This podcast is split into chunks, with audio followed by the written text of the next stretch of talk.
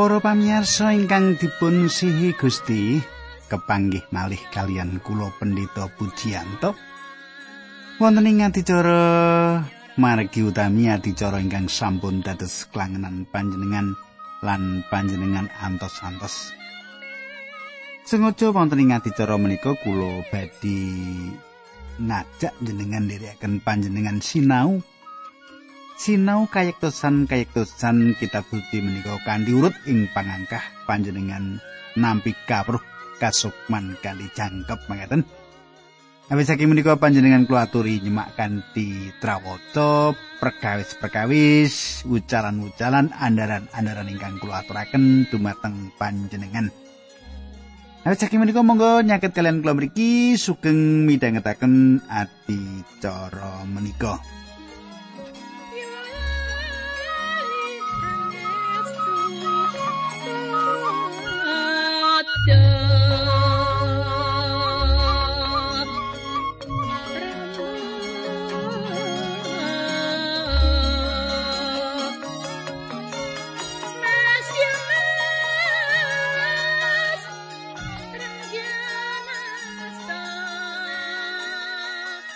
Para pamirsa menapa panjenengan tasih kemutan menapa ingkang kula aturaken wonten ing pepanggihan kepengker pengajeng-ajeng kula panjenengan tansah kemutan. Menapa ingkang kula aturaken wonten ing pepanggihan kepengker? Ing pepanggihan kepengker kita sampun nyemak kados pundi proyek pembangunan pedalaman suci wiwit dipun tindakaken. Kathah bantuan-bantuan kathah ingkang nyambut damel wonten mriku Saya menika tiang-tiang Tirus, saya menika tiang Israel sami sengkut nyambut damel ngetekaken pedalaman suci.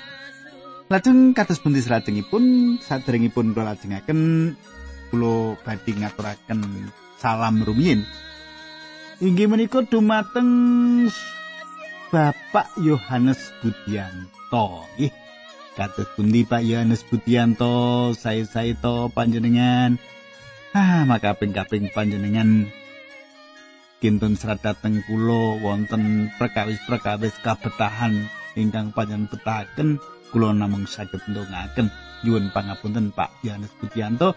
Nanging pengajeng-ajeng kula panjenengan dipun berkahi Gusti jemaat panjenengan tambah dinten tambah maceng Nah, kateng kula monggo saderengipun kula lajengaken monggo kita ndedonga rumiyin.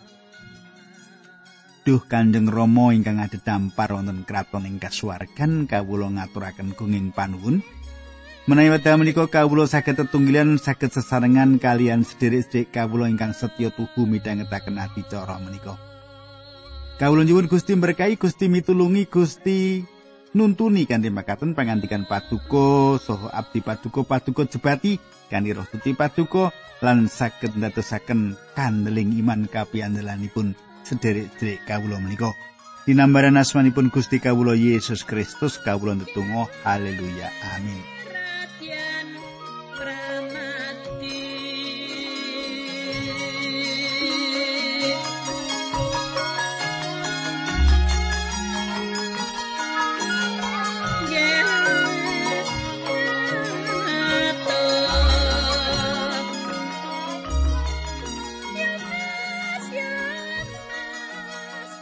Para pamirsa samangga pasinaon kita sampun lumebet ing kitab setunggal para raja bab nggih. Setunggal para raja bab itu makaten surasipun ing ayat setunggal. Sulaiman uga yasa kedaton kagem piyambak lawase yasa telulas taun. Para pamirsa dipun betahaken wekdal pitung taun kangge mbangun pedalaman suci nanging kangge mbangun kedatonipun piyambak dipun betahaken lipet kaping kalih.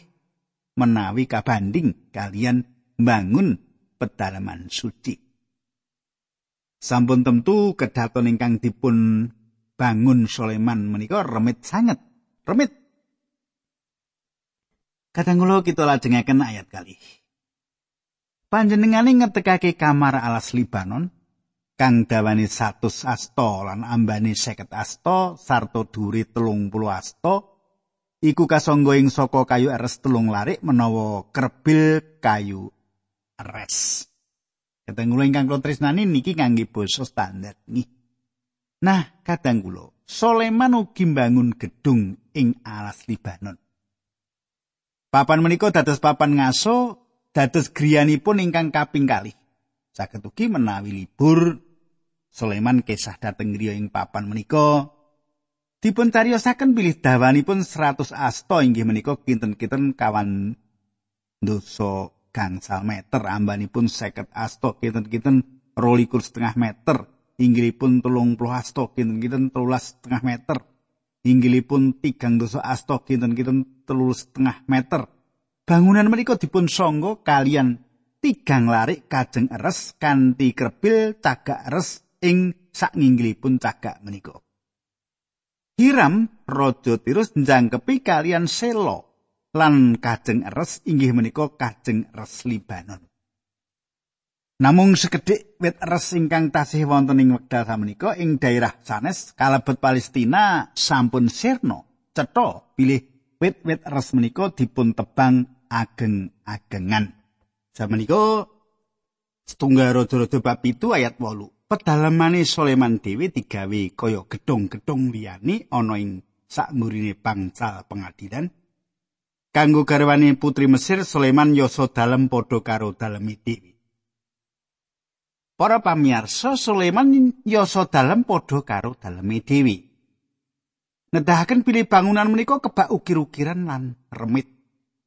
Sulaiman bangun dalem kangge lare setrinipun prengon. Ketingalipun Sulaiman sampun mapanaken lare setrinipun prengon menika ing kalenggahan ingkang mligi.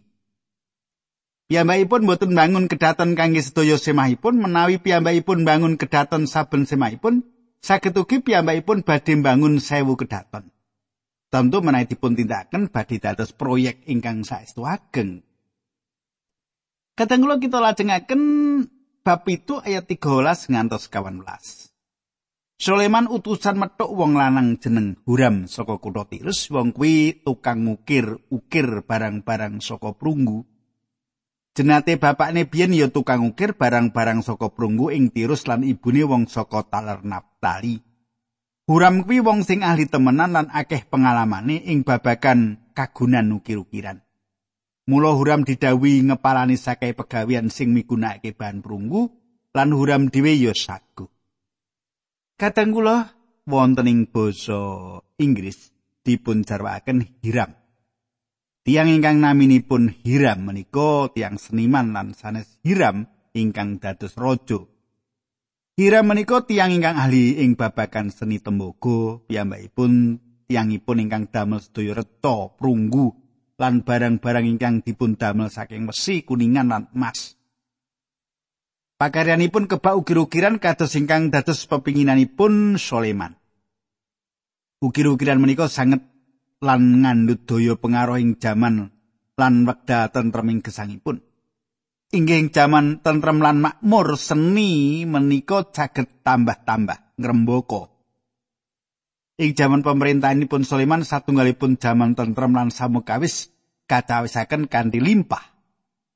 Samenika dumateng kita dipun paringaken langkung kathah perangan gegayutan pedalaman suci. Bab itu ayat selikur, soko-soko mau nuli ditekake ana ing sak pendopo agung. Nalika ngedekake saka kang tengen iku dijenengke yakin, bareng ngedekake saka ing kiwa iku dijenengake buas. Para pamirsa yakin liripun Gusti Allah badhe neguhaken menawi buas liripun ing salebetipun menika wonten kegiatan. Menika liripun tembung yakin. Panjenengan badhe manggihaken bilih wonten masmur-masmur ingkang nglebetaken kalih gagasan kegayutan kegiatan lan kaendahan.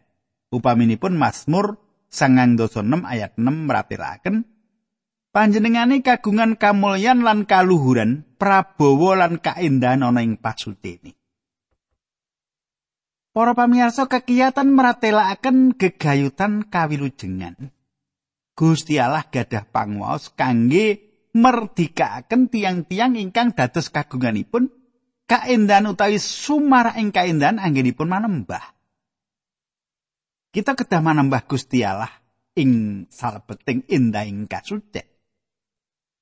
Kalih tagak menika saestu nonjol ing pedalaman suci. Metungul ing pedalaman suci.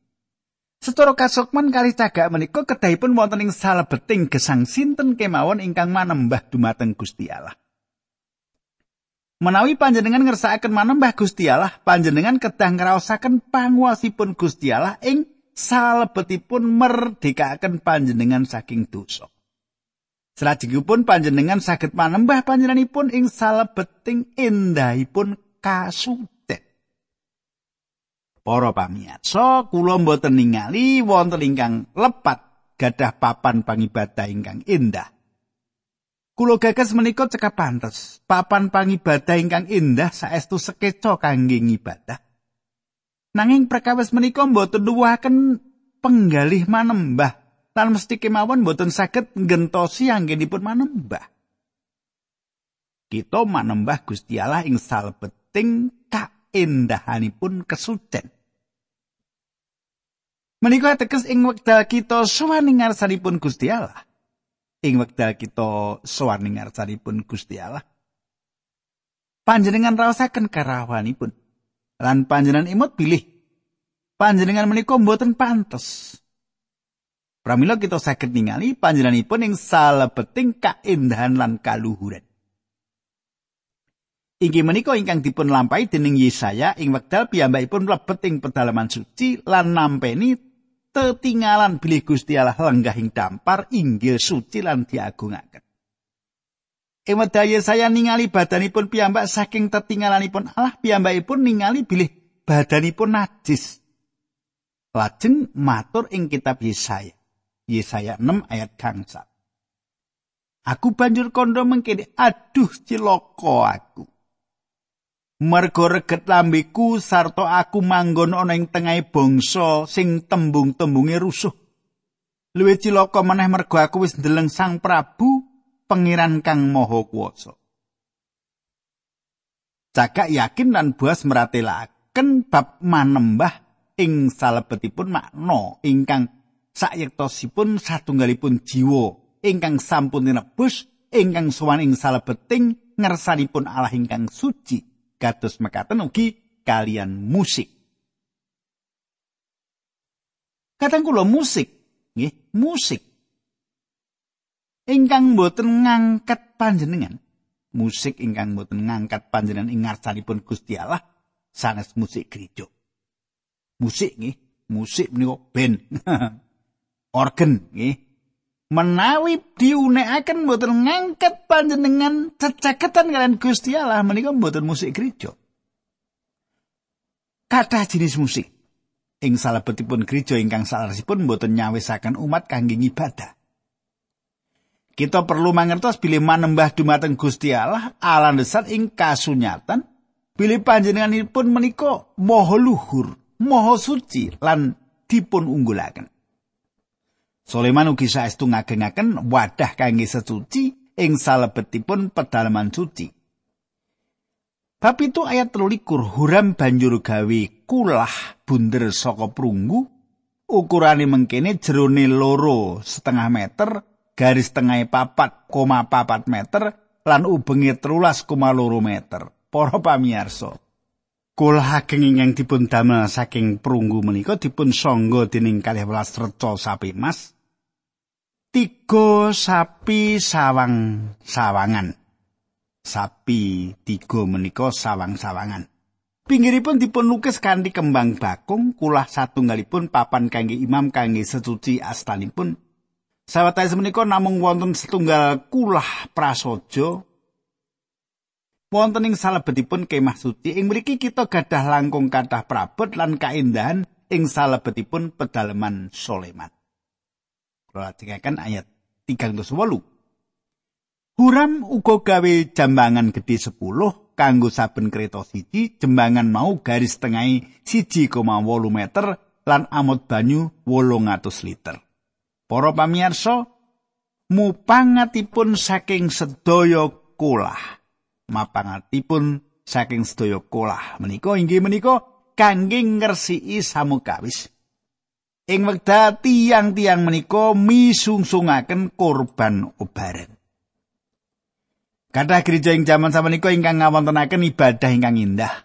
Nanging tiang-tiang menika mboten nyucikaken pasamuan lan tiang-tiang menika ugi mboten nuntun pasamuan ing ngarsanipun Gusti Allah. Tiang-tiang menika mboten nyegeraken jiwa, mboten datengaken katentreman lan sukorno ing salebetipun manah. Sedaya kulah kangge resik ing salebetipun jagat mboten saged ngresiki tiyang saking dosanipun. Sedaya kulah kangge resik ing salebetipun jagat mboten saged ngresiki tiyang saking dosanipun. Jagat iki ora iso ngresiki dosane manungsa. Toya ing salebetipun kulah ingkang ngresikaken, toya menika nglambangaken pangandikanipun Gusti Allah. ngresiki ing salebetipun pangandikanipun Gusti Allah inggih menika kangge ngetrapaken pangandikan menika wonten ing salebetipun gesang. Supaya panjenengan iso resik kerepa maca kitab suci. Mekaten nggih. Diresiki, disucikake kaya dene panjenengan nyiram banyu sewindu wonten ing batin manah panjenengan yen panjenengan maos pangandikanipun Gusti Allah. Ayat patang puluh bab itu setunggal prorojo menawi lajeng sami wangsul mertobat dumateng paduka kalian gumolonging manahipun sarta gumolonging nyawanipun wonten ing negarinipun mengsah ingkang nyawanipun wonten ing negarinipun mengsah ingkang boyongi kedatusan tawan wau punapa malih menawi sami ndedonga dumateng paduka kalian majeng dhateng ing negarinipun ingkang sampun paduka paringaken dumateng leluhuripun dhateng kita ingkang sampun paduka pilih saha dhateng ing pedalaman ingkang sampun kawula tekaken kagem asma paduka. Ayat patang songo, paduka mugi kersa midhangetaken wonten ing swarga papan pedalaman paduka ingkang tetep dumateng pandonga tuwin panyuwunanipun saha paduka mugi kersa paring keadilan dumateng tiang-tiang wau. Para pamirsa, wonten ing salebetipun kemah suci wonten satunggal cagak lampu ingkang gambaraken Sang Kristus. Ing salebetipun pedalaman suci wonten sedasa. Sepindah maneh dipun tambah gunggungipun ingkang ngandhut trap-trapan kangge kitab suci mboten meratelaken cecaketan kados menika kanthi Sang Kristus ingkang sampun dipun luhuraken. Yohanes nerat tanggapan ing wekdal piyambakipun ningali Sang Kristus ingkang sampun dipun luhuraken ing salebetipun gambaran ingkang kados makaten. Ayat pitulas nalika weruh panjenengane mau aku nuli krungkep persasat wong mati nanging aku banjur ditumpangi astane tengen lan dingendikani aja wedi aku iki sing ngasta panguasane kang wiwitan lan kang pungkasan wahyu siji ayat pitulas inggih menika ingkang badhe dumados sing panjenengan lan kula ing wekdal kita sowan ngarsanipun Sang Kristus ampun kita nambahi lampu dados kecaketan dumateng panjenenganipun panjenenganipun menika panjenenganipun ingkang kita sembah lan pucuk. Samenika ayat 50 setunggal. Sawise Raja Sulaiman ngerampungake sakae pegawian sing kanggo pedalemane Allah banjur nyimpen sakae sloka emas lan barang-barang liyane sing disausake dening Raja Daud marang Allah ana ing gudang-gudangi pedaleman Allah. Katanggula samenika kita lumebet ing setunggal para raja bab 8. Ing salebetipun pasal ingkang dipun adepaken dumateng kita menika kita badhe nyemak peti perjanjian Allah ingkang dipun beto ing salebetipun pedalaman suci ingkang sampun rampung kamulyan asukurna ngebaki pedalamanipun Gusti lan Sulaiman nyukani welingan lan donga peneguhan. Ayat tunggal bab 8 sawise mengkono Raja Sulaiman banjur nimbali para pemimpine talar-talare bangsa Israel sowan marang panjenengane ing Yerusalem. Ing kono padha didhawuhi njupuk petining perjanjian saka Silo supaya digawa menyang pedalamane Allah. Para pamirsa, ing wekdal peti perjanjian Allah dipun beto saking kemah suci lan dipun papanaken ing salebetipun papan ingkang sampun dipun cawisaken ing salebetipun papan mau suci kaluhuranipun Gusti ngebaki pedalaman suci. Ayat 10 11 kacarita bareng para imam wis padha metu pedalamane Allah mau dumadakan kebak mego. sing mertandani yen kamulyane Allah tedhak ing kono mula para imam ora bisa mlebu nindakake tugase ing pedalamane Allah. Kadang kula ing salebetipun welingan ingkang dipun lantaraken Sulaiman piyambakipun ngaturaken pangalembono ingkang pantes dumateng Daud. Kula lajengaken ayat 17 ngantos kali dosa. Sabanjure Sulaiman ngendika bapakku Daud wis ngrancang arep yasa dalem pangibadah kagem pangeran Allah Israel. Nanging pangeran ngendika marang Daud, "Karepmu kuwi becik. Mung dudu kowe, nanging anakmu sing bakal yasa pedalamanku. Lah saiki pangeran wis netepi janjine. Aku wis dadi raja ing Israel, ngenteni bapakku lan aku wis yasa pedalaman kagem pangeran alai Israel."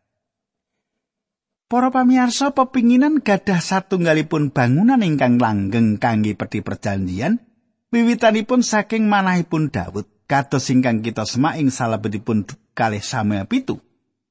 Sulaiman namung nindakaken rancanganipun Daud. Dadi sanes rancanganipun piyambak. Manut kula, bangunan menika kedahipun dipun sebat pedalaman Daud lan sanes pedalaman Sulaiman. Ing salebetipun pandonga peneguhan Sulaiman, piyambakipun sanjang bilih pedalaman menika badhe dados tunggal papan kangge asmanipun Allah lan dados papaning pundi umat kagunganipun Allah saged nyaketi panjenenganipun. Menika sanes kuil kangge tiyang ingkang boten tepang kalian Gusti ing pundi wonten reca brahala. Sanes ugi papaning pundi Gusti Allah dedalem. Soleman mangertos bilih pedalaman suci menika namung kangge ancik-ancik sukunipun Gusti Allah. Ayat pitulikur nanging dohalah menapa inggih saestu paduka badhe dedalem wonten ing bumi menika Langit jembar mboten badhe nyekapi kagem paduka menapa malih griya pangibadah ingkang kawula yasa menika. Menika ing basa standar nggih. Para pamirsa, bangunan menika sanes namung papan kangge manungsa sowan. Manembah dumateng panjenenganipun lan misungsungaken kurban obaran ing ngarsanipun panjenenganipun. Bangunan menika mupangatipun dados sarana nyaketaken dumateng Gusti Allah. Gusti Allah menika saged wonten ing pundi-pundi papan. Panjenenganipun ugi nglangkungi samukawis wonten ing pundi papan atas daya ingkang sampun dipun titahaken. Samenika kita dumugi ing babagan ingkang saestu perlu kita gatosaken. Inggih menika mangsa ingkang badhe dipun lampahi ing wekdal Israel dosa dumateng Gusti Allah lan dipun bucal ing papan pangawulan. Ayat 26. Saupami umat paduka sami damel dosa, Estunipun boten wonten tiang setunggal kemawon ingkang tanpa dosa lajeng mergi saking menapa paduka neka akan umat menika ngantos kelampan dipun kawonaken dening mengsah lajeng sami dipun tawan dhateng negari ingkang tebih utawi celak.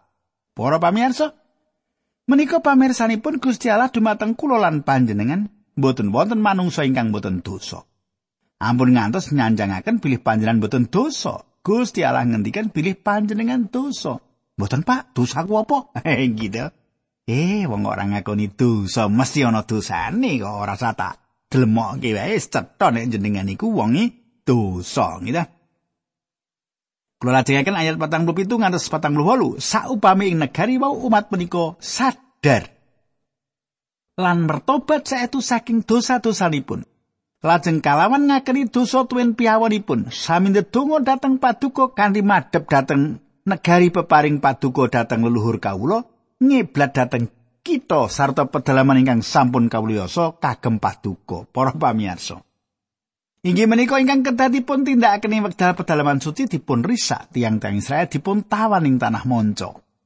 Inggih menika pasipun menapa ingkang badhe dipun tindakaken Daniel wonten ing Babel Piyambakipun badhe mbikak jendelanipun dhateng Yerusalem ndedonga kanthi kiblat dhateng pedalaman suci ngakeni dosa-dosa umat kagunganipun lan dosanipun piyambak. Kula lajengaken 49 tekan 50 ayat 49 ngantos 50. Mugi saking pedalaman paduka ing swarga paduka kerja miyarsakaken pandunganipun umat paduka wau sarta paring sih piwelas.